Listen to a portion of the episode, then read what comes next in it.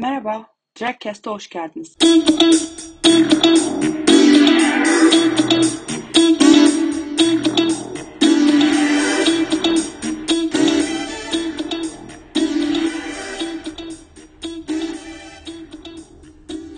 Dragcast'in ilk bölümüne hoş geldiniz. Bu bölümde dünyada drag queenlerin çıkış noktalarını ve Türkiye'deki drag tarihi hakkında konuşacağız. Peki nedir drag queen? Ee, tam bir Türkçe karşılığı yok aslında. Temelde karşı cinsin kıyafetlerini giyerek abartılı ve tiyatral bir tavırla performans sergilemek.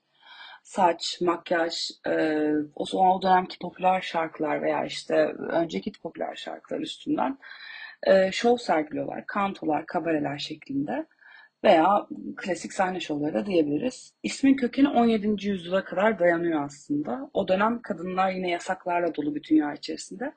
Ve kilise de dini nedenlerle kadınların sahneye çıkmasını yasaklıyor. Çözüm olarak da kadın rolleri erkek aktörler oynuyor. E, drag kelimesi de bu noktada ortaya çıkıyor. Erkek aktörlerin e, kadınların sahneye çıkması yasak olduğu için kadın rolüne giyer, girerken giydikleri uzun ve kabarık eteklerden ilham alınarak sürünmek anlamına gelen drag kelimesi çıkıyor karşımıza.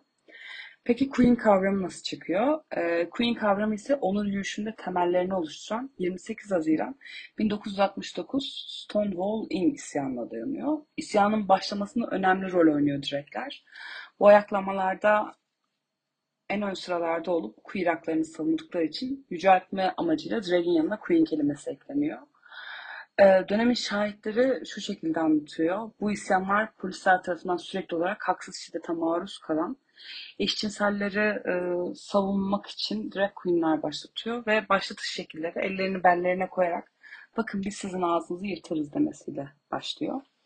E, maalesef ki geçmişte de böyleydi, günümüzde de böyle insanlar olduğu kimliklerini yaşadıkları şekilde savunmak için e, ayaklanmaları gerekiyor veya bu sebepten ötürü şiddete maruz kalıyorlar. Umarız ki bu dönem bu durumlar bir daha karşımıza çıkmaz ya da en kısa zamanda insanlar insanlar oldukları gibi kabullenir.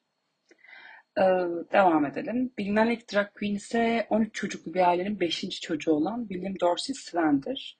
Amerikalı bir aktivistti. Köle olarak doğmuş. Amerika Birleşik Devletleri'nde bir queer direniş grubuna liderlik etmiş ve kendini drag queen olarak ilk tanımlayan kişi.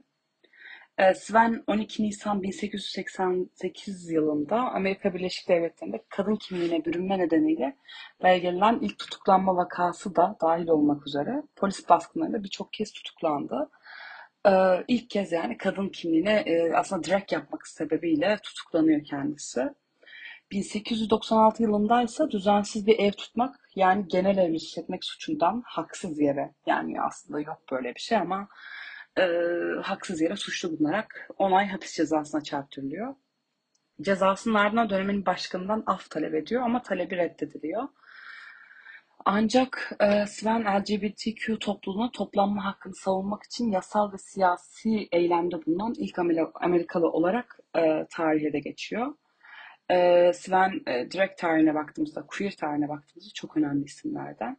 Türkiye'nin tarihine baktığımızda da durum çok farklı değil aslında. Direkt yine yasaklarla doğan ve yasaklarla boğuşan bir kavram olarak çıkıyor karşımıza.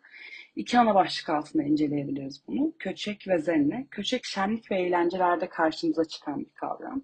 Yine drag queenler gibi kadın kıyafetler içerisinde performans sergiliyorlar ama çok daha geleneksel kıyafetler içerisinde, çok daha geleneksel müzikler içerisinde.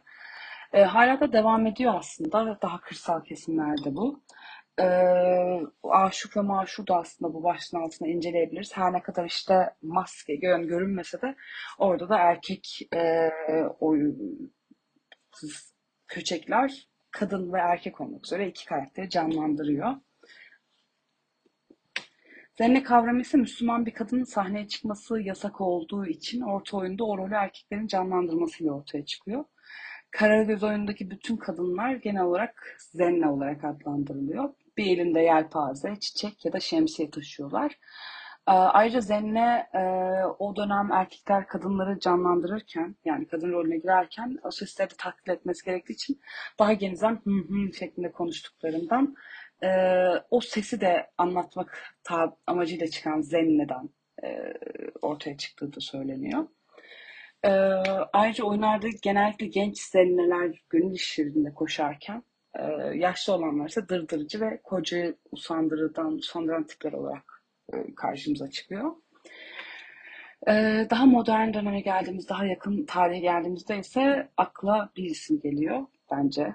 Yani şüphesiz. Huysuz Virgin sahne adıyla karşımıza çıkan Seyfi Dursunoğlu. E, Huysuz Virgin 1970'te ilk olarak küçük kulüplerde sahneye çıkmaya başlıyor. Sonrasında ise fuarlarda, e, işte daha büyük mekanlarda, kulüplerde çıkarak e, adını duyuruyor. E, çok nükteden çok sivri bir dili var kendisinin ve bu sebeple seviyor insanlar onu aslında. Sevdik, seviyoruz. Seyfi Dursunoğlu'nun Huysuz Virgin karakteriyle en büyük sıçramayı yapışı da TRT'de Öztürk Serengil'in yarışma programına katılarak yapıyor. Öztürk Serengil'e verdiği bu esprili cevapları gördükten sonra herkes ondan bahsetmeye başlıyor ve herkesce benimseniyor. Ancak e, 2007 yılına gelindiğinde ise Rütük tarafından programın yayınlandığı televizyon kanallarına dolaylı olarak baskı yapıldığını ve sansür uygulandığını gerekçe göstererek Huysuz artık canlandırmayacağını açıklıyor Huysuz rejimi. 2012'de Show TV'de yayınlanan Huysuz'la Dans Eder Misin programı sürüyor. Daha sonrasında bu açıklamadan sonra. Aynı yıl Star TV'de yayınlanmaya başlayan Benzemez Kimse Sana adlı yarışmada e, jüri üyeliği yapıyor. Programın final bölümünde son kez huysuz virgin olarak çıkıyor ve bu benim son kantom diyerek yaşından dolayı bir daha kanto, kanto yapamayacağını dolaylı bir yönden anlatıyor. Ayrıca 15 milyon TL tutarındaki mal varlığını Çağdaş Yaşam Derneği'ne bağışlayacağını da açıklıyor. E, huysuz virgin e, bakıldığı zaman aslında e, şu anda direktler var tabii ki de. Çok iyi işler yapan insanlar var. Önümüzdeki bölümlerde de onlardan birkaçıyla konuşacağız. Çok heyecanlıyım bu konuda. Ee, ama en temelde bakıldığı zaman ilk akla gelen kişi huysuz ve e, bir televizyondan banlanma durumu olduktan sonra çok fazla televizyonda göremiyoruz kendisini.